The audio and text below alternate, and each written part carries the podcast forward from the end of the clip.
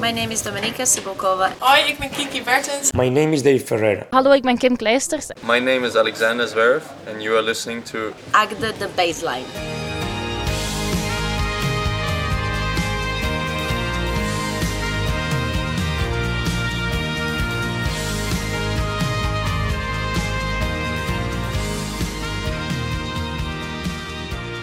Goedendag, welkom bij eindelijk weer een eh, nieuwe aflevering van Achter de Baseline.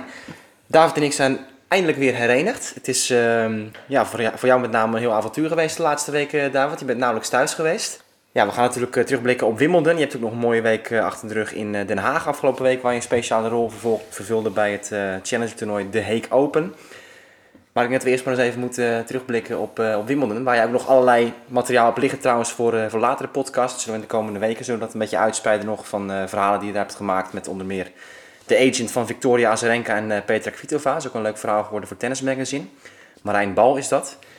Maar eerst, ehm, David, eh, welkom terug in, eh, in Nederland bijna zou ik zeggen. Hoe, hoe gaat het met je?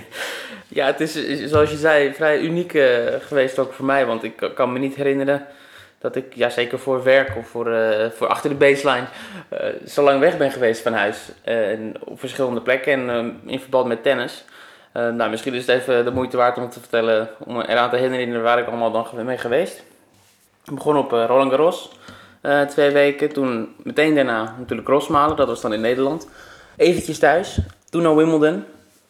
En daarna naar Den Haag. Dus het was twee keer drie weken weg van huis. Maar ja, goed, allemaal met tennis te maken. En het is een, geweldige periode geweest. Ja. ja, het is natuurlijk mooi opgebouwd. Hè? Van, eh, van Roland Garros naar Rosmalen, Wimbledon en toen Den Haag natuurlijk als, eh, als stoppunt. nee, maar goed, Roland Garros en zo hebben we het natuurlijk over gehad. Rosmalen heb ik nog een podcast opgenomen. Maar toen ben jij naar, eh, naar Londen vertrokken en heb je daar eh, leuke dingen meegemaakt. Allereerst maar eens even de vergelijking misschien voor jou, David. Want zowel Roland Garros als Wimbledon was je voor de eerste keer als, eh, als pers aanwezig. Wat, eh, ja, wat, wat is be- beter bevallen? Wat zijn de grootste verschillen? Wat is je opgevallen? Het was allebei geweldig, maar allebei ook anders. We hebben het al eerder gezegd dat Roland Garros natuurlijk iets kleiner is. Het park is kleiner, het is allemaal wat, wat krapper. Maar allebei de toernooien stralen heel veel luxe uit, althans dat proberen ze. Nou, bij Wimbledon slaagt daar eh, grandioos in, want alles is daar spik en span. Alles wordt elk eh, moment eh, met doekjes en al, wordt, elk raam wordt, schoongeveegd om de haverklap. Eh, op Roland Garros is dat gewoon minder haalbaar door alle drukte en chaos. Gaat die luxe een beetje verloren af en toe. Ehm, maar ja, het is gewoon in de details ook vooral op Wimbledon zit het. Elke, elke hoek is, is versierd op een bepaalde manier. Natuurlijk, die bekende kleuren komen overal terug. Ja, en ja, de pers, als, als pers zijnde dan, je wordt iets anders behandeld. Eh nou, we kwamen binnen en we mochten meteen cadeautjes uitkiezen bij, eh bij Wimbledon. Eh, nou, dat waren geen, geen geringe cadeautjes. We kregen meteen een handdoek in, in onze handen gedrukt die in de winkel 30 pond kost. Dus dat was, was mooi meegenomen meteen.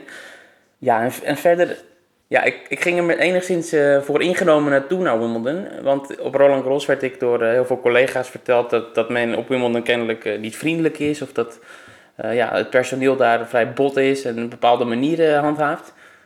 Nou ja, goed, ik kwam aan. Ik zat in de metro en tegenover mij zie ik een meneer eh, ja, met een badge van Wimbledon om zijn nek hangen. Dus ik vroeg meteen van, ga je naar Wimbledon? Want ik wist de weg natuurlijk niet. Dan zou je mij kunnen helpen. Nou, die meneer die bleek een van de, ja, de leiders van het perscentrum daar te zijn. En die zei, ja natuurlijk, eh, pakte meteen eh, twee stukken bagage van me. En die ging 10 meter voorop en, en bracht mij naar de plek waar ik moest zijn. dus ik dacht, nou, als dit, eh, als dit hetgeen is waar ze me voor hebben gewaarschuwd, dan, eh, nou, dan eh, teken ik ervoor. Dus je kwam daar aan en alles werd, werd geregeld. Ik, ik kreeg mijn desk aangewezen en dergelijke. Gewoon een eigen desk voor Tennis Magazine overigens, want ik was daar voor Tennis Magazine. En ja, nou, ik heb geen moment de indruk gehad dat ze daar onvriendelijk zijn of wat dan ook. Toegegeven, het is lastig om, om bepaalde interviews misschien te krijgen. Je moet zoals op Roland Garros ook gewoon een aanvraag indienen. En het, het grote verschil is, misschien wel het grootste verschil is, op het moment dat je zo'n interview krijgt, één op één met een speler. Op Roland Garros wordt dat gewoon door het hele perscentrum eh, door een megafoon gebruld van je afspraak is er. Terwijl op Wimbledon moet je echt wachten en op je schermpje kijken totdat je naam op het scherm verschijnt. Dus je kan niet even een ommetje gaan maken, want dan heb je gewoon kans dat je je interview mist. Dus dat zijn van die kleine verschillen. Ehm, dan in het stadion Centercourt. Ja, Roland Garros had een enorme perstribune. Je had eigenlijk geen enkel moment twijfel of je, of je plek zou hebben, want je kon altijd zitten. Op Wimbledon is het iets anders geregeld. Je hebt daar ook verschillende rangen van journalisten. Als je al heel lang meeloopt of als je Britse pers bent of wat dan ook, dan heb je een wat hogere rang. En dan heb je ehm, gewoon je eigen plek aangewezen in, op Centercourt. Hetzelfde geldt voor de Nederlandse dagbladen overigens. Volkskrant en Telegraaf en die allemaal daar aanwezig waren, hadden echt hun eigen plek. Nou ja, voor, ik had dan de rang rover, heet dat dan. Dan heb je wel gewoon je eigen plek in het perscentrum. En als je dan op centenkort wil zitten, als er plek is, geen enkel probleem. Maar als er veel vraag is naar een wedstrijd, dan moet je je in eerste instantie aanmelden. Dan is er een soort tweede loting. Als je daar dan uitvalt, dan ben je veroordeeld tot het staan van in, in de rij. Dus dat heb ik heel vaak eh, gedaan uiteindelijk. Ik heb in de rij gestaan, maar uiteindelijk heb ik altijd eh, mijn plek eh, kunnen vinden. Tot Ja. en met de halve finales. Want na de halve finales moest ik helaas naar Den Haag. Ja, inderdaad. Ja, dat eh, komt er een beetje, een beetje lullig uit misschien, maar ik we snappen natuurlijk wat je bedoelt, eh, David. Ehm want die finales, dat, eh, ja, nou goed, we weten allemaal hoe het is afgelopen met, met Garbine Muguruza en Roger Federer natuurlijk als, als, als kampioenen. Maar goed, voorafgaand aan die finales aan zich, wat zijn voor jou de meest memorabele wedstrijden geweest, David, daar? Nou, wat me heel erg opviel, was dat bij bepaalde spelers het publiek echt op een manier reageerde. Het, ja, eerst het centekort, laat ik daarover beginnen. Het centekort was heel erg klein, voor mijn gevoel, want je verwacht het grote centekort van Wimbledon, dat is heel indrukwekkend. Het is indrukwekkend, maar echt veel kleiner dan ik had verwacht. Philippe Chatrier op Roland Garros is, is vele malen groter, althans ze voelt het aan. Zelfs Court 1 op Wimbledon voelt groter aan dan het centekort, maar dat kan ermee te maken hebben dat het heel open is en het centekort natuurlijk dat die dakinstallatie er al heeft. Ja, ja, op kort 1 is het allemaal afgebroken en dan zijn ze natuurlijk Ja. met Je ziet het, dak, ja, het ziet er ook al vrij ver gevorderd uit, dus dat, eh, dat komt in 2019 als ik me niet vergis. Ja. Eh, maar ja, de, de sfeer en de akoestiek op het centekort van Wimbledon, dat is toch wel heel erg bijzonder. En dan met name als, als de Britten spelen, Andy Murray. En als Roger Federer speelt, dan, dan wil het publiek echt... Dat, dat is als één lichaam reageert dat. En het de oe en de a's en, en, het, en het klappen en het juichen. Dat was echt heel bijzonder. En dat levert wel de nodige kippenvelmomenten op eh, af en toe. Ehm, ja, bij andere, bij andere spelers is het, is het gewoon zichtbaar en verstaanbaar minder. Nog steeds heel erg mooi om te horen. Maar dat is wel, wel, interessant om, om dat eh, van binnenuit te voelen. Conta kreeg enorm veel, veel eh, support natuurlijk. De eerste Britse die het zo goed deed sinds hele lange tijd. Sinds 84 eh, de eerste die de kwartfinale haalde. De eerste die de halve finale haalde sinds Virginia Wade. Die ik overigens ook nog heb gesproken in 1978. ja. Ja, het was 40 jaar geleden sinds de, de finale plaats van Betty Steuven natuurlijk. En je hebt daar eh, Bet- zowel Betty Steuven als Virginia Wade, die toen Ja. van Steuven won in de finale gesproken. Dus dat is nog een van de podcasts die er eh, aan gaat komen met, eh, met content van, eh, van die twee daarin onder meer. Ja, en Joe Conta was natuurlijk inderdaad het verhaal dit jaar voor de Britten. En ehm, met Andy Murray die eh, met zijn eh, heup natuurlijk eh, Ja. in, de, in de knoei zat. En, eh, Ah, dat is trouwens nog wel leuk dat je dat zegt, want die tabloids, dat weten we allemaal, dat is hilarisch. De dag ehm, nadat Andy Murray zijn eerste ronde wedstrijd won en kennelijk heel Groot-Brittannië eh, ja, kon uitademen van oeh, het zit goed met, eh, met Andy, was een, een van de koppen op de tabloids, hip, hooray. Dus dat, eh, nou goed, dat kunnen ze als de beste. En nog erger, er is voor, de, voor Wimbledon was er zelfs een tabloid de Sun. de Sun, die had, die had een plaatje van Andy Murray met zo'n ja, met zo'n accentplekje op zijn, op zijn heup ge- afgebeeld. Met, de, met het verzoek om heel, aan heel Groot-Brittannië om daar ook te wrijven, te masseren, zodat die, die heup beter wordt. Dus Ja, maar dat moest ook om tien over half vier in de middag of zo. Hè? Er was een specifiek tijdstip stond erbij van. Allemaal dan moeten we allemaal de, dat plaatje over ons eh overheen wrijven. ja, ja, nou, knettergek allemaal. Maar ja, het is leuk dat we allemaal meeleven op die manier. Eh, maar Ja, en nog even, nog even daarop inhaken trouwens, de tabloids. Want dat is natuurlijk ook een, een, een ding ehm, qua pers in, in Groot-Brittannië. Dat de tabloids natuurlijk ook bij, de, bij die toernooien zitten. Heb je daar nog in de persconferenties dingen van, eh, van gemerkt? Dat daar eh, gekke vragen werden gesteld of zo door, eh, door de journalisten? Of, zijn of zeker- onorthodoxe figuren die er rondliepen? Of, Dat viel ook mee, was ik ook voor gewaarschuwd. Dat, dus dat de Sun en dergelijke eh, een hele grote rol spelen in die persconferenties. Is me oprecht niet echt opgevallen. Er zijn zeker een heleboel hele rare vragen gesteld. En heel veel gekke blikken ook van spelers gezien. Ehm, maar, maar geen, eh, geen rare tabloid vragen zoals in het verleden wel eens geweest is. Dat ze vroegen van, oh weet ik het koninklijke echtpaar zit eh, op de, in de Royal Box. eh, moest je een beetje blozen? Dat soort vragen gaan. Maar dat heb ik niet, eh, niet tegengekomen. En ik heb vrij veel, veel persconferenties toch bijgewoond. Ja, oké. En, en als je dan, ehm nou, net nu wat zaken van op de baan. Wat, wat is er in die persconferenties eh, voor jou opgevallen? Zijn er speelsters of spelers die jou hebben verrast met hoe ze zich presenteerden of wat dan ook? Of... Nou ja, wij hebben natuurlijk Jelena Ostapenko op Roland Garros meegemaakt, de winnares daar.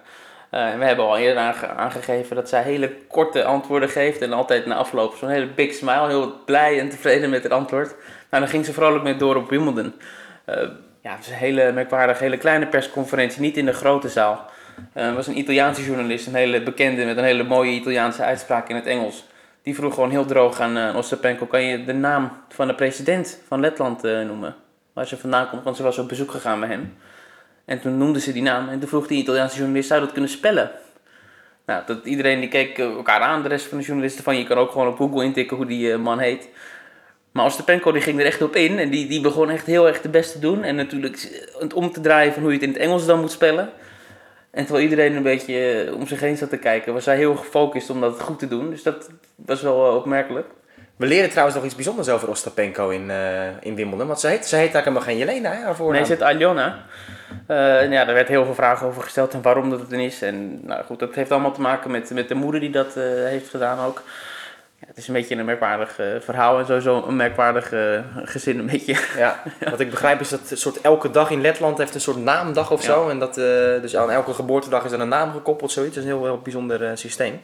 En dan Alona stond er niet officieel in die naamkalender of zoiets ja, in, maar nu wel. in Letland. Ja, nu, nu, nu wel. Nu wel. Ja, ja, dat ze Roland Garros heeft, heeft gewonnen. Ja, nou ja, en Victoria Azarenka natuurlijk heeft veel gezien en Petra Kvitova.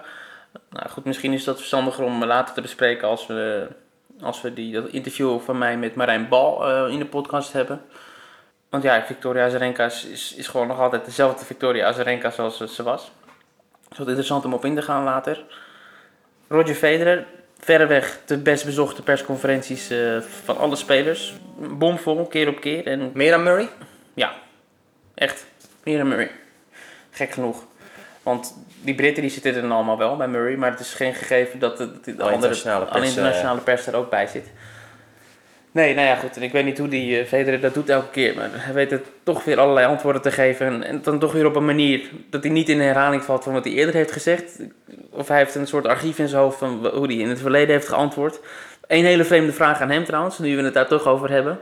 Um, Amerikaanse journalisten die vroeg, uh, waarom ben je anders gaan antwoorden in uh, persconferenties? Uh, Veder die keek eraan alsof, alsof hij water zag branden. Met de vraag van, waar heb je het in hemelsnaam over? Nou, toen gaf die journalist een voorbeeld van toen hij op de Australian Open had gezegd... Nadat hij de titel won... We partied like rockstars. Nou, dat vond zij een vrij opmerkelijke woordkeuze. Toen zei Veder, nou, weet ik niet. Misschien doe ik dat om, om, de pers een beetje op te schudden... en het andere wending te geven. Want we doen al zo lang hetzelfde met elkaar. Dus nou ja, dat was, was een merkwaardig moment. Ja, en natuurlijk op de baan heeft uh, Roger Federer ook alle aandacht naar zich toegetrokken afgelopen uh, Wimbledon. Dat, uh, ja, zoals je zei, de, de, de, sfeer blijft uniek als, als hij op de baan staat. Ook op het centercourt. Is natuurlijk wereldwijd eigenlijk het geval. Maar dat, zeker in zijn eigen ja. achtertuin een beetje is dat... Ja, maar dat is goed dat je dat, dat zegt. Want puur als ik naar tennis kijk. Ik bedoel, ik heb Federer op meerdere plekken zien spelen. Live ook, in op verschillende ondergronden. Maar je merkt echt een verschil als je hem daar ziet spelen. Het is het is echt indrukwekkend. Zoals het bij Nadal op Roland Garros is, is het bij Federer echt op Wimbledon. Want hoe die de bal daar raakt, het, is, het ziet er helemaal niet kwetsbaar uit. Terwijl ik heb vaak als ik op tv-tennis kijk, vind ik er veel solider uitzien. Of meer solide eruit zien dan als je het live ziet. Maar hier was het echt omgekeerde wereld. Weet je, geen, geen enkel shaky moment of wat dan ook. Gewoon de bal raakt spatcijfer elke keer en het klinkt ook anders. Dus dat was wel echt indrukwekkend om, om live te zien.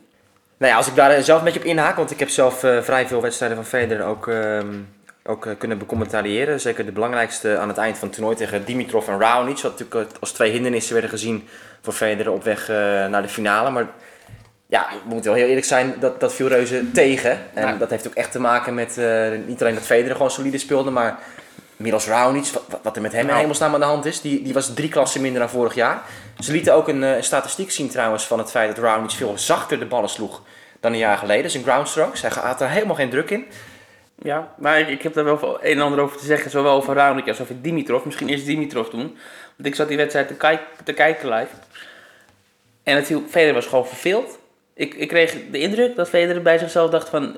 Uh, Grigor, ben ik hiervoor uit mijn bed gestapt? Zo'n zo sfeer heerste er een beetje. Hij hoeft helemaal niks te doen. Dimitrov, nee. die, ja, totaal nee, was... onschadelijk. Ja, maar die, die sloeg zichzelf totaal de vernieling in Dimitrov. Die, uh, ja. echt, echt gewoon games die werd gebroken, sloeg hij drie keer voor het ja. uit of, uh, of wat dan ook. En die frustratie die Federer uit, althans die hij uitstraalde tijdens die wedstrijd, dat kwam ook misschien zelfs naar voren in de persconferentie in de afloop.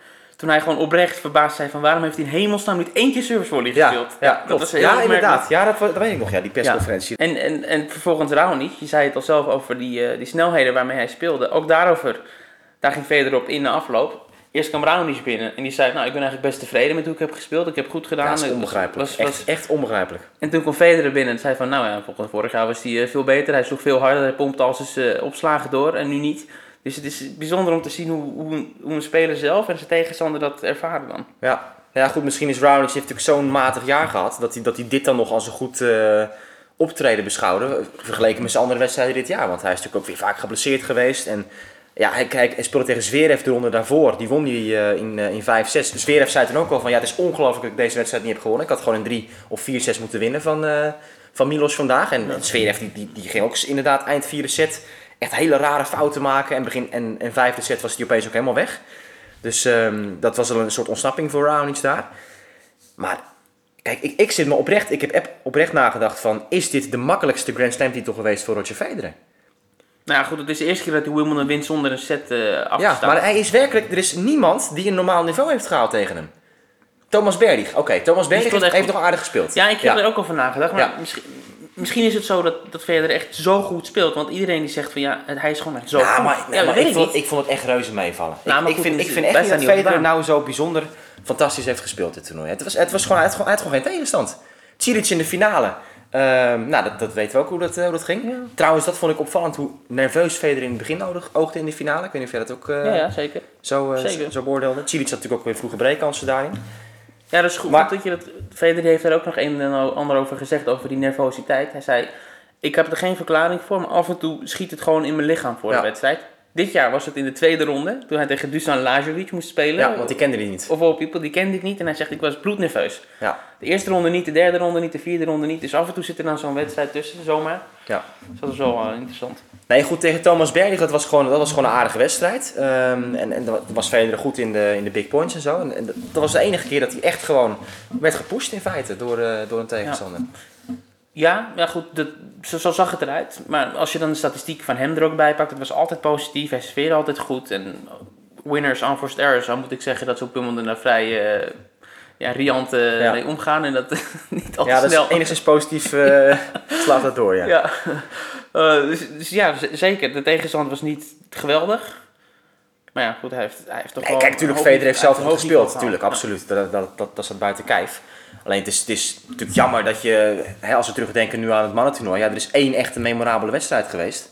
En dat was Nadal tegen Müller. Ja, ja dat was eh, die hele lange wedstrijd op Court One. Ehm, die nog een heel gevolg had voor Djokovic daarna. Maar inderdaad, die wedstrijd tot 15-13 Ja. in de vijfde set. Uiteindelijk gewonnen door de Luxemburger. Dat was de wedstrijd, dat zonder meer. En net als op Roland Garros, inderdaad, is, is het qua ja, verrassingen en qua interessante uitslagen, zeker het vrouwentoernooi, eh boeiender geweest. Ja, nou daar komen we straks op nog even iets meer over Nadal. Want die begon natuurlijk eh, fantastisch aan zijn toernooi. En eh, ja, god, die eerste anderhalve set tegen Karen Gatjanov, ik weet niet of je daar veel van hebt gezien.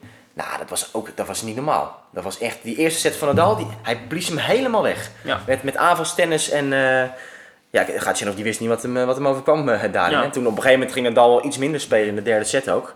En eh en Gatjanov ging ook wat, eh, ja, die kon toen ook iets meer zelf eh, Ja. druk zetten. Want de ballen van Nadal vielen wat korter, Ja. dat, soort, dat soort dingen. Ja. Ik vroeg hem na afloop nog Gatjanov, want ik vond het wel interessant. Want de laatste drie nederlagen van Gatjanov op dat moment, de, de jonge Rus, waren achtereenvolgens tegen Andy Murray op Roland Garros, Roger Federer in Halle en Rafael Nadal ehm, op Wimbledon. Dus ik vroeg aan hem, je hebt nu tegen die drie gasten gespeeld, de laatste drie die jou hebben verslagen. Noem de verschillen eens in, ehm, in die ervaringen. Nou, daar ging hij helemaal op in. En over Nadal zei hij toen, ja, als je tijd geeft, eh men tijd geeft aan zijn voorhandkant, dan eh, is het gewoon niet, niet te doen. Nee. Hetzelfde geldt voor verder. Maar hij was heel erg onder de indruk van, eh, van het niveau van Nadal. Inderdaad. Ja, en dan natuurlijk de twee mannen die maar tegen blijven vallen dit jaar. En die ook weer helemaal door de mand vielen hier op Wimbledon met hun fysieke problemen nu met name. Die ervoor zorgden dat ze natuurlijk niet optimaal konden presteren. Andy Murray en Novak Djokovic. Ja, nee, in- inderdaad. Het was wachten. Ik had op, op zich eigenlijk verwacht dat, eh, dat Djokovic zeker misschien wel nu een, een stap zou maken weer. Dat hij beter, want hij speelde best goed. Klopt. Alleen Had Eastbourne gewonnen natuurlijk. Eastbourne gewonnen eh, de week ervoor, zonder, eh zonder zetverlies ook, meen ik. Ja. Dus zijn niveau is- op zich wel goed, maar tegelijkertijd worstelt hij dus al anderhalf jaar, zegt hij zelf, met, met die elleboog. En ja, we hebben op het moment dat we het inspreken net via Servische bronnen, dus het is nog even afwachten of, of dat klopt, eh, te horen gekregen dat hij 6 tot 12 weken eh, rust moet houden en dat de operatie nog niet is uitgesloten. Ja. Dus dat is heel zuur voor hem, om als je goed speelt en dan toch eh, met, met zo'n blessure te worstelen. Hij moest uiteindelijk opgeven tegen Thomas Berdig. nadat hij de eerste set verloor en een break achterkwam in de tweede set. Dus ja, dat is een, een heel triest einde voor hem. De afloop in de persconferentie was hij ook heel rustig. Van ja, het is niet anders, ik heb hier al gewoon een tijd last van. En dat zat ook niet mee dat hij de dagen ervoor natuurlijk eh, twee dagen op rij moest spelen. Eh, door wat ja, merkwaardige keuzes misschien door de, door de organisatie op Wimbledon. Die hem niet op centercourt, zijn wedstrijd niet naar centercourt verpaatste. Eh, terwijl hij gepland stond naast, eh, na Rafael Nadal, die die hele lange wedstrijd tegen Müller speelde. Dus uiteindelijk kon die wedstrijd helemaal niet gespeeld worden die dag. Het argument was dat het niet verantwoord zou zijn om veiligheidsredenen om al die mensen van Court One of alle mensen op het park in centercourt te krijgen. Nou goed, als het oprecht de reden is, dan, nou, dan moet je dat niet doen als het onveilig is. Maar uiteindelijk het resultaat voor Djokovic was dat hij twee dagen op rij moest spelen. En daar was hij niet tevreden mee. Een heleboel eh, oneenigheid. En ook Federer heeft later gezegd dat hij dat een hele vreemde beslissing vond. Ja, nou goed, dit is eh, uiteindelijk hoe het eindigt voor Djokovic. Ja, en met, eh, met Murray waren natuurlijk voor het toernooi al vraagtekens over die heup. Dat leek allemaal wel mee te vallen tijdens zijn eerste wedstrijden. Maar toen kwam Sam Querrey eh, op de baan en die speelde goed. Die heeft natuurlijk ook een eh, bijzondere jaar. Een bijzondere twee jaren op rij op Wimbledon. Met vorig jaar de zege op eh, Djokovic. En nu dus de overwinning op Murray in vijf sets. Murray die zei na afloop ook van ja, als ik iets scherper was geweest, had ik misschien wel in drie sets kunnen winnen. Want in de tweede set stond hij een break voor. En opeens raakte hij echt alles helemaal verkeerd en verloor hij die tweede set. En toen werd dus die marathonpartij, en kreeg hij fysiek steeds lastiger. En was hij echt ook inderdaad niet meer in staat om fysiek optimaal te spelen in die vijfde set tegen, tegen Query. En dat is natuurlijk ook, kijk, eh, nogmaals, ehm, de laatste jaren, Federer heeft alleen last gehad van andere leden van de Big Four, andere wedstrijden in de slams, die, die won hij normaal gesproken wel als hij gewoon fit was. Ja, en nu zie je gewoon Federer handhaaft zijn niveau en, en die gasten vallen weg. Ja, en wie blijft er over? Federer en natuurlijk ook Nadal dit jaar. Ja, die, eh, die blijven overeind. En die profiteren natuurlijk ook van het feit dat Murray en Djokovic eh, eh, weg zijn. En ik heb zelf wel een beetje het gevoel dat daar wel een beetje overheen wordt gekeken vaak door, eh, door mensen. Misschien eh, ja, dat eh, de realiteitszin een beetje uit het oog wordt verloren in die zin dat de laatste jaren Murray en Djokovic eigenlijk wel over het algemeen boven die gasten eh, terecht waren gekomen met hun prestaties. Maar het is natuurlijk nog, nog, nog steeds wonderbaarlijk dat zij nu als eerste fysiek ja, afhaken. Dat is misschien een groot woord, maar in ieder geval dit jaar. En dat Federer en Nadal op Ja. die leeftijd nog, eh, nog, Ja. nog vol blijven, blijven Ja, houden. Of althans Nadal weer teruggekomen en Federer ook weer teruggekomen eigenlijk. Ja, natuurlijk. dat die, wel- hebben, die hebben ook die fase meegemaakt. Leuk dat je dat, dat aansnijdt, want om het e- bij Federer even... Hij is natuurlijk een half jaar toen eruit geweest, Australian Open gewonnen en nu dit gewonnen. Berdig, die werd er ook naar gevraagd. Van, ja, hoe zie je dat nou? Dat iemand gewoon een half jaar eruit is en dan terugkomt. Ja. Uh, is dat misschien een recept voor andere spelers om ook eens gewoon even vakantie te nemen? Toen zei hij, nou ja, dat, dat werkt echt niet voor iedereen, eh, beste journalist. Uh, dat werkt voor hem omdat hij een, een bijzonder geval is. Maar ik garandeer je dat als andere spelers een half uur eruit gaan, dan hebben ze nog een half jaar of een jaar nodig om enigszins Ja. op niveau te komen. Dus dit is echt eh, niet, niet te gebruiken voor iedereen. Nee, goed, Nadal heeft het natuurlijk ooit in 2013 ook, eh, ook laten zien dat hij echt terugkwam en gelijk weer nummer 1 van de wereld werd. En, eh, maar ja, Murray tegelijkertijd, die had die rugproblemen in het verleden. Die had die rugoperatie. Nou, die heeft echt een jaar nodig gehad voordat zijn lichaam ook weer helemaal eh, eigenlijk was aangesterkt. En voordat hij echt weer die, die goede prestaties wist, wist neer te zetten. Maar ja, goed, tegelijkertijd, kijk, ehm, het is natuurlijk fantastisch, 35 jaar. En, en, ja, dat je, dat je die, die grote toernooien nog steeds, Ja. steeds kan winnen. Eerste, eerste man die nu acht keer Wimbledon heeft gewonnen. Ja, 19 Grand Slam titels nu, Ja. eh, nu Roger Federer. Ja. Maar ik heb ook wel een beetje het idee dat dit een soort van nieuwe norm gaat worden. Dat tennis dus gewoon langer doorgaan. Kijk, eh, nu dit toernooi ook weer, volgens mij een derde van het deelnemersveld was 30 plus. Afgelopen weekend wint eh, David Ferrer wint het toernooi van, van Barstad. Ja, dan, dan lach je van, je kan natuurlijk niet vergelijken dat toernooi met, eh, met Wimbledon. Maar met zijn speelstijl is hij toch ook nog altijd hè, op, op, toch weer aan het opleven nu op die, die vergevorderde leeftijd Ferrer. En nou ja, goed, bij de vrouwen Serena en Venus natuurlijk, die, eh, die ook wel aardige prestaties nog neerzetten in deze fase van hun, eh, hun loopbaan. Dus ik denk wel echt dat dit gewoon, nu, nu verbazen we ons allemaal erover, van goh, 35 jaar en het kan nog. Maar ik, ik denk dat dit, dat dit de norm gaat worden. Dat spelers gewoon tot hun 35ste echt nog op hoog niveau kunnen spelen. Ja, ik begrijp niet waarom jij nou de naam van Guillermo Garcia Lopez, die Scheveningen wint, niet, eh, niet hebt genoemd. Ja. Is ook 34. Ja, die begint ook weer opnieuw. Ja. Die is ook een half jaar nog weer eruit geweest met, eh met schouderproblemen. Dus, eh, ja, nee, maar goed, we zien dit al een tijdje natuurlijk, die trend. En eerst was het 30 plus, maar nu gaan we al richting de 35 plus. Ehm, heb je Lopez net genoemd? Die Queens won. Lopez ook inderdaad Ja, ja. is ook inderdaad. 35. Zeker. Dus ja, het, het gaat steeds, steeds verder. Ja. En tegelijkertijd slagen ook toch de, de jonge garde er steeds beter in. Want een tijdje was het zo dat echt die allerjongste spelers niet, niet er- ertussen kwamen. Maar nu zien we toch ook dat niet alleen Zverev, maar ook wat andere jongens uit de Next Gen die top 50 inkomen. Dus het is een interessante mix aan het worden. En je begint dus steeds meer ook te denken dat eh, gewoon de, de generatie na Nadal en Federer, Dimitrov, Raonic, Nishikori, ja, die, die zijn gewoon, die hebben gewoon niet het talent, die hebben niet de capaciteit van die, van, van die gasten. Nou, misschien Dus die- wel die- die talent, dreigen- maar zeker niet de kop. nee, maar ze, ze dreigen, zij dreigen dus echt te verzuipen in, eh, in, tussen twee generaties. Ja. Want zij dreigen dus nu straks te gepasseerd te worden door, eh, door een Zverev, een Kyrgios en eh, nou ja, misschien een paar van de jonge Russen of, of wat dan ook, die, die daar weer overheen gaan, gaan komen. Tom, ik.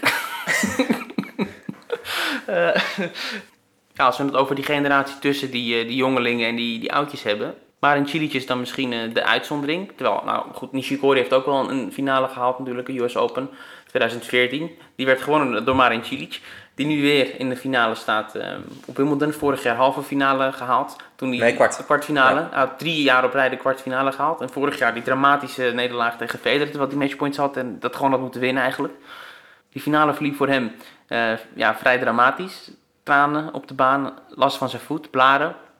En het, het was wel mooi om te zien dat hij ja, het besef dat ik nou uitgerekend in, in deze wedstrijd de finale van Wimbledon fysiek ongemak moet hebben. Dat, nou, dat kon hij gewoon op dat moment niet verdragen. En het echt huilend op de baan en de doktoren en, en al erbij. Ja.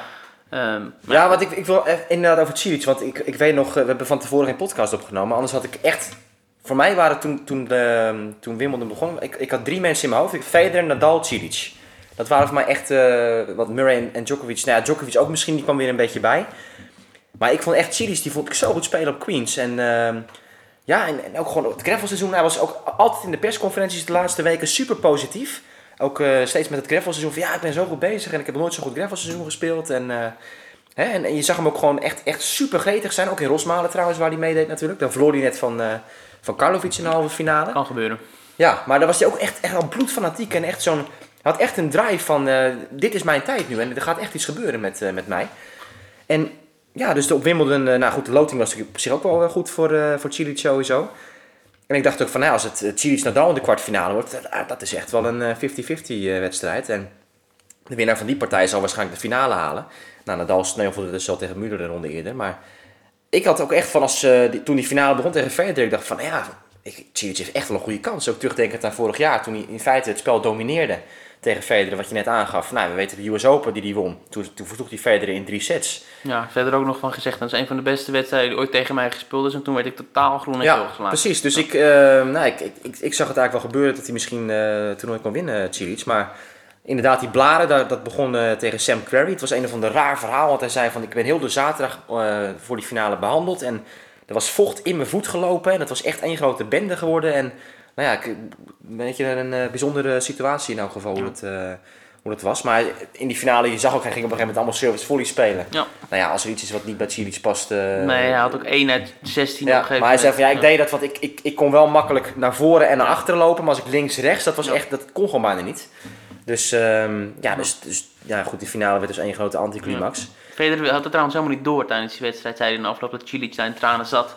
En daarover heeft hij nog gezegd, dat is maar goed ook, want ik heb me helemaal niet aangepast. Ik zag er is iets aan de hand, maar ik Ja. heb verder niet... Ja, ik wist, hij zei wel inderdaad van ik weet niet wat er precies met hem aan de hand was. Ja. Dat, eh, maar ik Dus niet had geen invloed op zijn spel. Want hij zegt dat hij dacht bij zichzelf van, oh, ik moet meer die kant of die kant op spelen. Ja. Dus dat, eh, ja. Hij zei, als ik had geweten dat hij had gehaald op dat moment, dan weet ik zeker dat het ook wel een effect op me had ge- gehad. Ja. Gewoon op emotioneel niveau. Oké, nou dat was dan het, eh het mannentoernooi. Bij de vrouwen natuurlijk, ehm, ja, echt, echt een ongekend toernooi eigenlijk. Het was echt fantastisch toen op een gegeven moment eh, die vierde rondes op papier stonden.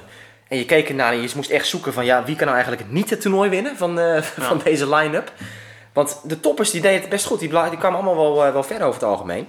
Dus ehm, ja, je had zo'n gevoel van, ja, iedereen die kan bijna winnen. En nou ja, uiteindelijk is het dan Gabin Muguruza geworden, David. Ja, nou die vierde ronde zit is op de, de Manic Monday. Een dag na Middle Sunday. En ik heb dus die beide dagen meegemaakt. nou, van de oase van rust tot de, de totale gekte. Het wordt gezien als de mooiste tennisdag van het jaar door velen. En ik zat daar met de Amerikaanse, met Courtney, die we in de vorige podcast hebben gehad. Nou, nog even, want de mooiste tennisdag van het jaar, Manic Monday. Het is alle vier de rondes worden dan gespeeld, zowel bij de mannen als de vrouwen. Er is geen ander Grand Slam toernooi dat dat doet. Dus dan eh, is het één groot gekkenhuis op het park, eh, inderdaad, die maandag. Ja, maar die Middle Sunday, we zaten even daarover te praten met z'n twee. En we bedachten bij onszelf op, op een zeker moment: dit is de enige dag in het jaar, zeg maar als het seizoen eenmaal begonnen is, dat er gewoon geen tennis wordt gespeeld op het hoogste niveau.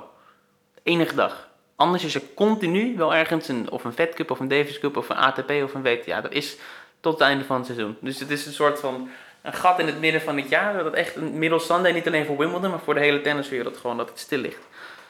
En die vierde ronde, ze dachten, nou ja, je weet niet waar je moet kijken. Het is onmogelijk om het allemaal te volgen. Bizar goede wedstrijden die op baan 12 staat. Ostapenko speelde in de vierde ronde tegen Svitolina. Ook een van de kanshebbers om nummer 1 te worden, notabene. Waar Ostapenko aan het einde nog met de smile over zei van... Ja, volgens mij is het niet de bedoeling dat ik op baan 12 sta in zo'n wedstrijd. En ook ehm, de geweldige wedstrijd tussen Kerber en Kerber en Muguruza. De beste wedstrijd van het toernooi. Eigenlijk een van de mooiste matchups sowieso in het vrouwentennis. Ja. Ehm, op baan 2. Dus, nou ja, goed, dat is een heel geval apart. Hebben we het volgens mij in de vorige podcast ook uitgebreid over gehad. Dat het allemaal oneerlijk is gegaan met eh, wat de, de WTA-speelsters eh, betreft. Ja, zeker. Iedereen speelde goed. Kerber speelde weer goed ook. De nummer 1 die, die echt een, een soort opleving weer kende. Ja, dat was bijzonder, want ze verloor die wedstrijd van Muguruza. 6-4 derde set. Ja. En in de persconferentie ze zat erbij van... eh, ja, ik ben zo blij, want eh, ik heb eindelijk mijn spel weer gevonden, dit en dat. En eh, terwijl ze op die dag juist ook gewoon de nummer 1 positie kwijtraakte. Want Ja. door die nederlaag was het sowieso zeker dat of Pliskova Ja. of Halep de nieuwe nummer 1 zou worden. Ja, dat is natuurlijk ook een rare situatie geworden uiteindelijk. Want wat de Halep tegen Conta, trouwens ook een prachtige partij in de kwartfinale. Halep was twee punten af van de overwinning van de halve finale plaats. Ze mocht zelf serveren bij een 5-4 voorsprong in de tiebreak. Als ze daar had afgemaakt, dan had ze de halve finale gehaald en was ze nummer 1 van de wereld geworden. Wat ze natuurlijk ook al in Parijs had kunnen doen als ze daar de finale had gewonnen van Ostapenko. Maar goed, Conta komt terug, wint die wedstrijd en daardoor werd Pliskova de nieuwe nummer 1 van de wereld. Terwijl Pliskova in de tweede ronde was uitgeschakeld door Magdalena Ribarikova. Wat natuurlijk ook een eh, bijzonder verhaal was dat zij opeens daar de halve finale zelfs bereikte. Ja, Grote toernooiverrassing. Ja, nou goed, eh, het rankingsysteem is nu eenmaal zo dat, het, eh, dat zulke dingen kunnen gebeuren. En dan is het vreemd dat je er midden in het toernooi zit en er worden allemaal mensen die dingen mee om de titel- te winnen. En dat dan iemand die in Tsjechië al eh, een week zit, een fotootje plaatst van joepie, ik ben de nieuwe nummer 1. dat is een rare situatie. Maar ja, Pliskova gaat het over dan, de nieuwe nummer 1. Ja, en Ribarikova, de verrassing van het toernooi. Ribarikova die heel veel wedstrijden had gewonnen in aanloop naar Wimbledon, op, op lager niveau weliswaar. En in de tweede ronde Pliskova versloeg en uiteindelijk doorstoten tot de halve finale, waarin ze nergens te bekennen was. Eerlijk is eerlijk, tegen nou, Muguruza, die haar helemaal van de baan aftikte. Interessant was trouwens vorig jaar Ribarikova, ik weet niet of je dat nog weet, dat ze werkelijk elk onderdeel van de lichaam zat, zat vastgetaped. Ze had zelfs een brace om de pols toen ze speelde op Wimbledon. En dat nu een jaar nadat ze de, na dat moment en na operaties eh, dit weer flikt op haar geliefde ondergrond. Dus eh, het was een mooi verhaal. En het was een leuke speelster om te zien ook. Zeker voor, gras, want ze slice en spin en, en gewoon vlak. Ze mixte alles door elkaar. Dus eh, ze was ook wel geliefd bij de fans. Ja, wie natuurlijk ook altijd favoriet is bij de fans is eh, Venus Williams. En daar werd een beetje stiekem op gehoopt dat er een soort dubbel zou ontstaan van eh Federer en Williams. Die eh, voor het eerst sinds wat was het, 2007 wonnen ze allebei de, de titel, Ja. dacht ik. Ja. Er was een foto van eh, dat ze toen allebei met eh, de hoofdprijs op het eh Wimbledon Bowl verschenen na afloop. Maar ja, Venus Williams heel knap de finale bereikt. Wat al een beetje een wonder was gezien het feit hoe ze natuurlijk mentaal ervoor stond voordat het toernooi begon. Ze werd, eh, ja, ze was betrokken bij een, eh, een dodelijk ongeval. Heel treurig allemaal natuurlijk. Venus Williams die zelf werd aangereden volle bak in, in Florida. En ja, de, de bijrijder van, van de andere auto die overleed na een tijdje in het ziekenhuis ehm, van die impact. Venus Williams werd zelfs aangeklaagd door die familie van, vanwege de ja, eh, eventuele schuld die ze had bij dat eh, ongeval. Maar dat bleek uiteindelijk dan weer niet zo te zijn dat ze schuldig werd bevonden. Nou ja, in een persconferentie daar, ik weet niet, was je erbij, eh, David, die persconferentie met, eh, met Venus? Nou, in ieder geval, daar werd ze heel, heel emotioneel ook bij toen daar werd naar, naar werd gevraagd van wat het allemaal met haar doet nu, die situatie. En ze zei ook van ja, het is, natuurlijk, het is natuurlijk zo treurig en er zijn geen woorden voor om het te omschrijven. En toen vervolgens, toen, toen hield ze het zelf niet meer droog. Dus dat speelde allemaal op de achtergrond mee. Maar ondertussen speelden ze gewoon uitstekend tennis daar op, eh, op Wimbledon, David. Ja, het begin was misschien wel nog het lastigste. Moesten tegen Chinese Chang Wang. Dat was de, moeilijkste wedstrijd voor haar. Maar op een gegeven moment ging ze gewoon vrij eh, soepel door al haar wedstrijden heen.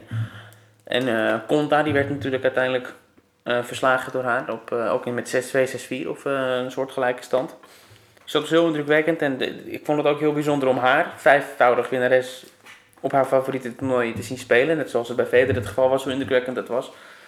Nou ja, absoluut. Ook bij Venus, zoveel rust, zoveel, ja, echt van dit is mijn, mijn plek. Wat me vooral opviel, was, was eh, heb ik ook eerder volgens mij gezegd in, in eh, de vorige podcast, is met hoeveel marges ze toch gespeeld. Want het staat toch bekend als, eh, als heel erg recht toe, recht aan tennis. Maar ja, die voorhand was gewoon la Nadal af en toe, gewoon vier meter over het net. Gewoon een hoge spinbal diep en het punt opbouwen of, een stap naar voren zetten. Dus het was heel interessant om, om te volgen.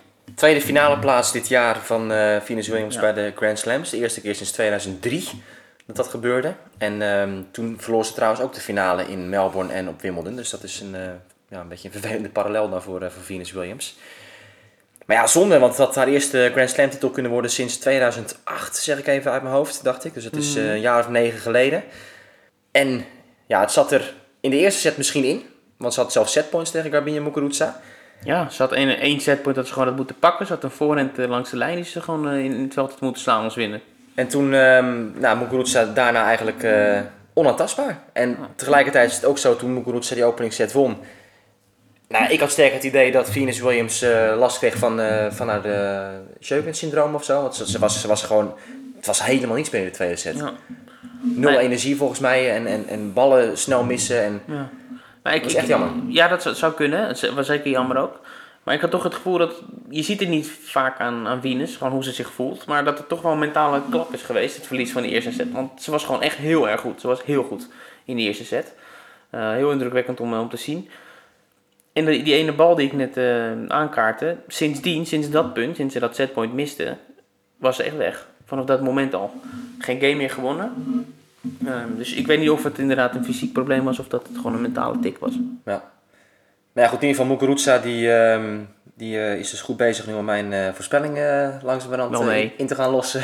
Nee, nee nou goed, je had zelf al afscheid genomen van die eh, voorspelling. Nee, totaal niet. Nee, Oh. we, staan er, we staan er altijd achter. Hè? Als je een voorspelling helemaal doet, dan blijf je erachter staan. Nou, nou goed, Muguruza kennen zal ze de komende tijd geen bal raken. Ja, Dat is meestal bij haar het geval als ze een mooie prestatie heeft neergezet. Maar goed, schelen. Ze heeft Roland Garros en Wimbledon gewonnen. Dus alles wat er tussenin komt, dat eh, zal ze toch eh, niet erg vinden. ja. Maar voor de duidelijkheid, het is de bedoeling dat Muguruza dit jaar als, eh, als nummer 1 eindigt. Dat was, dat was mijn inschatting voordat dit gekke seizoen begon. En ze staat nu weer in de top 5, dus dat, ehm, ja, dat gaat hem wel de goede kant op op zich. Niks aan de hand, David. Ja, nou goed, ik, eh, ik heb niet zo'n vertrouwen in, in haar constantheid. Oké, wat trouwens nog wel grappig was, is natuurlijk het feit dat Muguruza het toernooi won zonder begeleiding van haar vaste coach Sam Sumik. Waar altijd al heel veel kritiek op is dus, eh, Ja. over die samenwerking tussen die twee. Want het Ja. oogt altijd een beetje ongemakkelijk. Ja, En nu, uh, notabene, Sumik was er niet bij, want die werd eh, vader. De, zijn eh, zijn vrouw of vriendin? Vrouw? weet ik niet. In ieder geval, die stond op het punt van bevallen. En dus was Conchita Martinez verantwoordelijk voor de begeleiding van Muguruza op Wimbledon. En dat is de Fed Cup en Davis Cup captain van Spanje. En ook Wimbledon winnares in 1994. Inderdaad, de enige Spaanse kampioene voorafgaand aan uh, Muguruza op Wimbledon. Die trouwens ook van een 37-jarige tegenstander toen won. Conchita Martinez. Dat was toen Martina Navratilova. En uh, ja, de, in ieder geval Muguruza die speelde natuurlijk fantastisch. Ze oogde inderdaad ook heel rustig. Dus er werden al, allerlei conclusies getrokken van... Uh, moeten we dit niet op deze manier voor ja, gaan doen? Sumi kan gewoon altijd blijven. Ja. Nee, maar jij zegt ongemakkelijk. Het ziet er gewoon uit alsof ze gewoon continu ruzie hebben en een hekel aan elkaar hebben. Dat hebben we vaak genoeg volgens mij gezegd in die podcast. Uh, en die Martinez, een totale verandering in, in attitude bij uh. Heel positief, geen uh, ja, weet je, cynisch of, of houding of een houding van uh, ja, maakt me allemaal niet zoveel uit. Of geen, geen leven, geen energie in het lichaam. Nou, alles was terug. Dus ik, ja. Ja, ik, ik, vind, ik vind het echt bizar hoe, hoe ze ineens weer gewoon dat vertrouwen ook weer terug heeft. En, um, want dat is natuurlijk heel het jaar ook als we denken aan die partij tegen Mladenovic op Roland Garros. Gewoon als het erom gaat, ze zakt weg. En dat was in alle toernooien zo. En dan werd ze onzeker. En je zag het in de gezicht ook staan. Echt die, die ogen werden groot. En ze keek een beetje om zich heen van, uh, ja, daar gaan we weer. Ja. En, uh, en nu stond ze echt met, met zo'n zo'n venijnige blik van stoïcijns van... Uh, kom maar op, weet je wel. We gaan even lekker tennis hier. Ja. Ja, en ze heeft het echt, echt volledig verdiend. Vanaf die partij tegen Kerberal natuurlijk, uh, dat, ze, dat ze echt een hoog niveau haalde. Nou ja, wat je zegt, uh, Ribodikova in de halve finale makkelijk weggeslagen. En toen de big points tegen Venus Williams ook er gestaan. En toen hard doorgedrukt naar inderdaad de Grand Slam titel nummer 2. Tweede finale natuurlijk was het voor Muguruza Wimbledon. Ze verloor twee jaar terug van Serena Williams in de finale. En nu dan eh, is zij tweevoudig Grand Slam kampioene, Garbine Muguruza. En van de ene Spaanse kampioene ging jij naar de andere, David? Dan wel een, eh, Ja, ja. een man werd het. Ja, Guillermo Garcia Lopez. Zeker, de, win- de winnaar van eh, de Hague Open, de Challenger in Scheveningen. Ja, dus moet je even uitleggen wat je daar precies hebt, eh, hebt gedaan de hele week. Nou, ik ben gevra- gevraagd om daar, eh, nou ja, allerlei dingen te doen. Ehm, van social media tot het maken van de dagbulletins, tot het interviewen van de spelers en, en andere zaken die, die nodig waren gewoon ter plekke. Ik heb eh, van alles wat eh, moeten doen. Ja. En ik heb daar Officieel viel dat onder de functie perschef, geloof ik. Ja, ja, officieel. Maar er waren allerlei dingen die, eh, die ook buiten de functieomschrijving vielen, waar ik mee bezig ben geweest. Maar het was een geweldige week en ik heb eh, inderdaad Guillermo Garcia Lopez daar zien winnen. Elf jaar nadat het Challenger toernooi eerder had gewonnen in 2006. Dus het was, eh, was leuk om hem daarmee te confronteren een paar keer. En ook eh na afloop die foto's een beetje zo naast elkaar te zetten. Want hij zag er toen echt uit als een, als, een 16-jarig jongetje. Eh, overigens een, geweldig aardige kerel. Van alle spelers de meest ontspannen. Ehm, ja, het was gewoon een hele, hele leuke week met leuk tennis. Nederlanders die het goed deden. Timo de Bakker die weer liet zien waar hij toe in staat is. Hij won van Robin Haas in, in de eerste ronde. Dat was een beetje een ongunstige loting natuurlijk. Ehm, uiteindelijk ook Timo die, eh, die kon het niet doortrekken tot het einde. En in de halve finale viel die letterlijk uit elkaar. Jij hebt ook nog eh, dat allemaal gezien. En jij hebt zelfs commentaar gegeven bij de finale uiteindelijk tussen eh, Garcia Lopez en Ruben Bemelmans. Ja, dat was een hele mooie week. Heel sterk deelnemersveld voor een challenger. Met niet alleen Lopez en Bemelmans, maar ook Simone Bolelli bijvoorbeeld. Sergei Stachowski. En, en nog. Tsitsipas, Tsitsipas, ja, dat was zeker. Heb ik goed gehyped de hele week op allerlei manieren. Hele interessante speler en wel veelbelovend. Ik was wel onder de indruk van, eh, ook al heeft hij het uiteindelijk ja, de dubbelspelfinale nog gehaald, maar hij verloor op vrij... verloor van eh, de, van de bakker verloor van de op- Ja. ja. Maar ja, goed, dat, dat is natuurlijk voor ons Nederlanders is dat natuurlijk wel een beetje het verhaal van de week geweest daar. Dat opeens Timo de Bakker in de halve finale van het Challenger toernooi. eh. Ja. Nou goed, hij heeft de afgelopen periode best veel gewonnen ook. Op future niveau uiteindelijk. Hij, hij won het toernooi. Fysiek ongemak. Eerste ronde eruit of opgave of wat dan ook. Weer een future toernooi gewonnen. En toen weer dat hij door zijn rug ging in Amstelveen een week eh, van tevoren. En nu heeft hij toch zichzelf weer op kunnen lappen. En ongetwijfeld met eh, de nodige pijnstillers heeft hij de hele week eh, gespeeld. Maar goed, dat houdt een keer op. En dan krijg je een opgave. Halve finale. Dus dat is wel een domper. Verder zag je inderdaad wel weer leuke dingen af en toe. Hè? Hoe makkelijk die toch ballen weg kan leggen. Ja. En, eh, Ja, nee, af en toe echt de ballen gezien, dat kan, dat kan helemaal niet. Een volley die, die altijd een, een passing die langzaam werd geslagen. En op een of andere manier slaat hij achter zich nog, nog die bal met een soort effect over het net. Nou, hij wist zelf ook niet hoe hij deed, maar goed, het talent is, eh, ja, is, is rijk bij hem. 28 jaar. Ja, Je zou Ja, bijna maar- zeggen, het begint tegenwoordig pas. ja zeker. zeker. Maar ik, ik moest ook terugdenken toen ik hem zag spelen aan, eh, aan, aan Roland Garros en aan Wimbledon, waar ik met heel veel collega's heb gesproken uit Amerikanen en Britten, noem maar op. En ik kreeg bijna van iedereen dezelfde vraag als ik het over Nederlands tennis had. Waar is Timo de Bakker in hemelsnaam? Dus dat zegt wel dat hij toch kennelijk vroeg in zijn carrière een, grote indruk heeft gemaakt. En heel veelbelovend was voor iedereen. En dat toch nog dat eh, is blijven hangen bij iedereen. Ja, nou ja, goed. Het is, eh, zelf eh, blijft hij positief en eh, denkt hij nog altijd dat hij eh, zijn beste ranking ooit kan, eh, kan verbeteren. Top 40. Maar ja, we weten ook allemaal dat het natuurlijk met Timo en eh, hard werken vaak eh, is misgegaan. Heb jij nog een beetje indruk gekregen hoe die mentaal en zo ervoor stond in die week? Heb je hem nog een beetje eh, gesproken verder? En eh, wat, wat was jouw eh, Nou, ik denk dat beleving daarbij? Ik denk dat het feit dat hij die blessures heeft, rug, schouder en dergelijke, alles heel simpel voor hem maakt. Hij heeft niet eens, ja, het heeft geen zin voor hem om al te veel na te denken van hoe moet ik me voorbereiden of dit en dat. Het is gewoon heel simpel. Het recept is, ik hoop dat ik elke ochtend uit mijn bed kan stappen.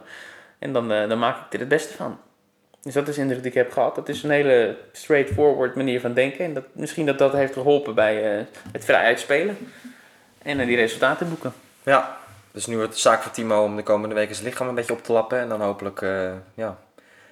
We zeggen het al jaren, hopelijk kan hij het op de een of andere Ja. manier volhouden. En heeft hij de, de drive om er week in, week uit goed mee bezig te zijn met de sport. Want ja, dat hij kan tennissen, dat heeft hij nog maar weer eens een keer laten zien afgelopen week in, in Scheveningen inderdaad. Waar Ja. Timo, eh, ja, dus de titelverdediger in de eerste ronde versloeg, Robin Haase. En eh Garcia Lopez, ja, tweede keer eh, kampioen daar. Ja, en het toernooi, 25-jarig jubileum, is, is wel bijzonder. En zoals de meeste spelers al zeiden, hopen op nog 25 jaar.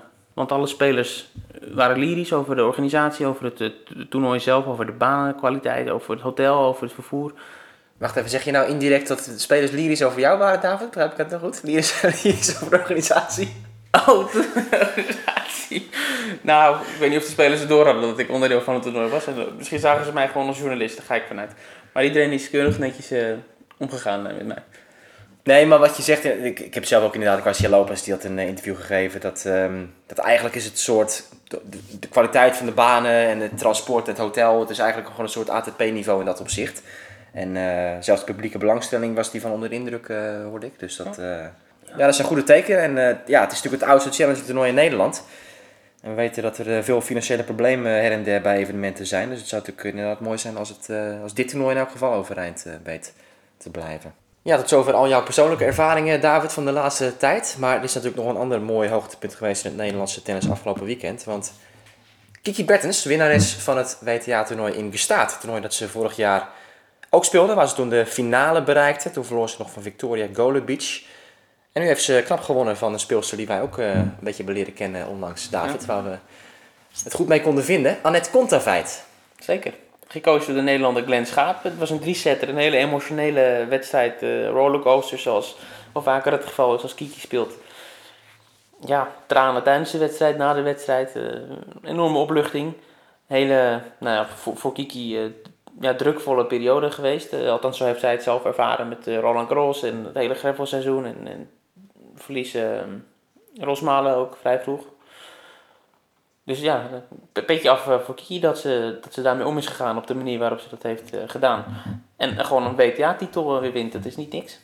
We hebben inderdaad ehm, ook een mooi verhaal in Tennis Magazine gemaakt voor het komende nummer met Kiki Bertens, die heel openhartig vertelt over al haar mentale issues. En dat is eigenlijk aan de hand geweest van uitspraken die Raymond Sluiter aan jou heeft gedaan. In een podcast die werd opgenomen op Roland Garros. Dus het is zeker de moeite waard nog, gezien dit eh, succes van Kiki weer, om dat nog eens terug te luisteren. Mochten we dat hebben gemist, het interview van, eh, van Sluiter met David. Want daarin ja, werden allerlei bijzondere dingen gezegd door, eh, door Raymond over hoe, hoe zwaar Kiki het in haar hoofd heeft om...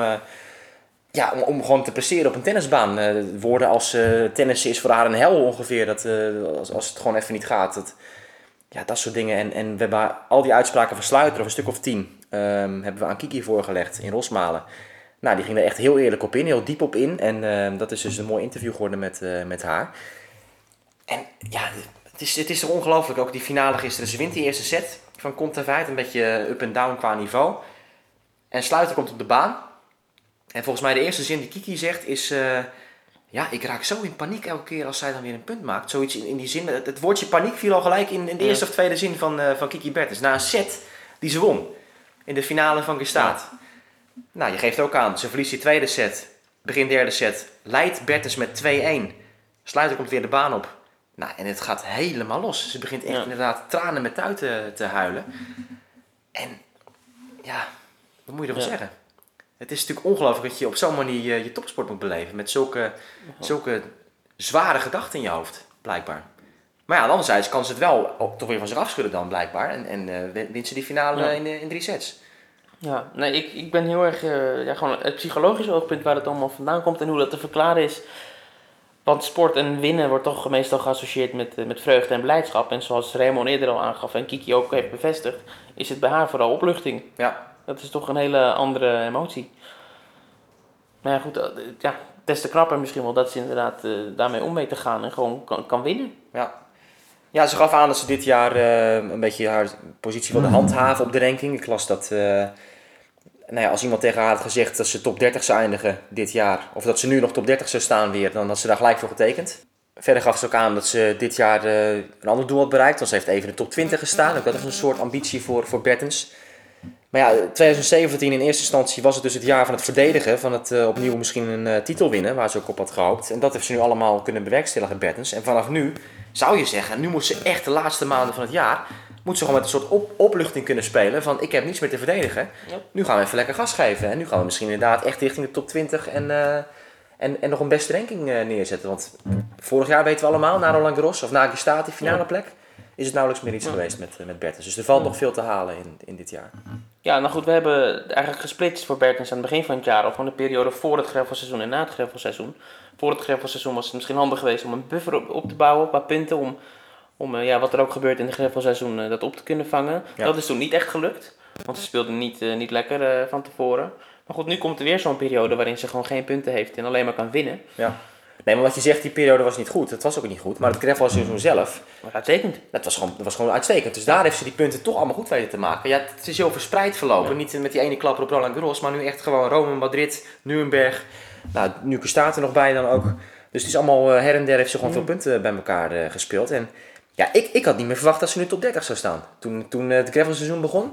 Dus in feite heeft ze het gewoon geweldig gedaan. Ze En, eh, heel goed gedaan. ja, Ze heeft meer punten ge- gehaald in het gravelseizoen bij elkaar dan dat ze vorig jaar heeft gedaan. Precies, dus nu, eh, nu wordt het erg leuk om te zien hoe dat, eh, hoe dat doorgaat met Kiki Bertens. We gaan ehm, de komende weken ook wat rustiger aandoen. Met alle hectiek die de afgelopen maanden op ons is afgekomen. Jij gaat ook weer eventjes alles loslaten. Maar tot die tijd, of althans in die periode, zullen wij nog wel een paar andere podcasts gaan plaatsen. Want zoals in het begin al gezegd, je hebt nog een paar interessante dingen liggen van, eh van Wimbledon David. Misschien kun je daar alvast even wat over vertellen. Over de twee afleveringen die we nog eh, gaan krijgen dan daar, daaruit. Nou ja, goed, omdat het het 40-jarig jubileum was van eh, 1977, toen Virginia Wade van eh, Betty Steuven won, ehm, was er heel veel aandacht voor zowel Betty Steuven als, eh, als Virginia Wade daar. Steuven was aanwezig, zo- zoals elk jaar eigenlijk. En stond heel veel pers te woord. En ik heb ook eh, de gelegenheid gehad om haar eh, te spreken voor een minuut of twintig. Eh, dus dat gesprek is misschien wel leuk om, eh, om ook te laten horen. Ook Virginia Wade eventjes eh, een paar minuten kunnen onderscheppen. Dus ook daar wat quotes van. Dus dat komt erin. En zoals je zei, Marijn Bal, de agent van Azarenka en Kvitova, heb ik een uur lang laten vertellen over, over al die ja, gebeurtenissen vorig jaar. En dan met name over één week, december 2016, waarin in een in echt een tijdspanne van een paar dagen Azarenka eh, geboorte geeft aan haar eerste kind. Eh, Petra Kvitova wordt aangevallen in haar huis. En dat hij ondertussen ook nog voor een andere cliënte, eh, Monica Puig, een enorme exhibitionwedstrijd op Puerto Rico organiseert tegen Maria Sharapova. Dus dat, ja, dat was een flink weekje voor hem. Dus het was leuk om hem daarover te spreken en over hem als agent en wat het allemaal inhoudt. Ja, dus dat ehm, komt er nog aan tijdens onze rustigere weken de komende tijd. Veel dank weer voor het luisteren aan deze aflevering van Achter de Baseline. En als dan de US Open eraan komt, dan gaan wij het weer over tennisinhoudelijke zaken hebben verder. David, allemaal een eh, fijne zomer nog gewenst verder. En dus tot gauw weer voor een nieuwe aflevering Achter de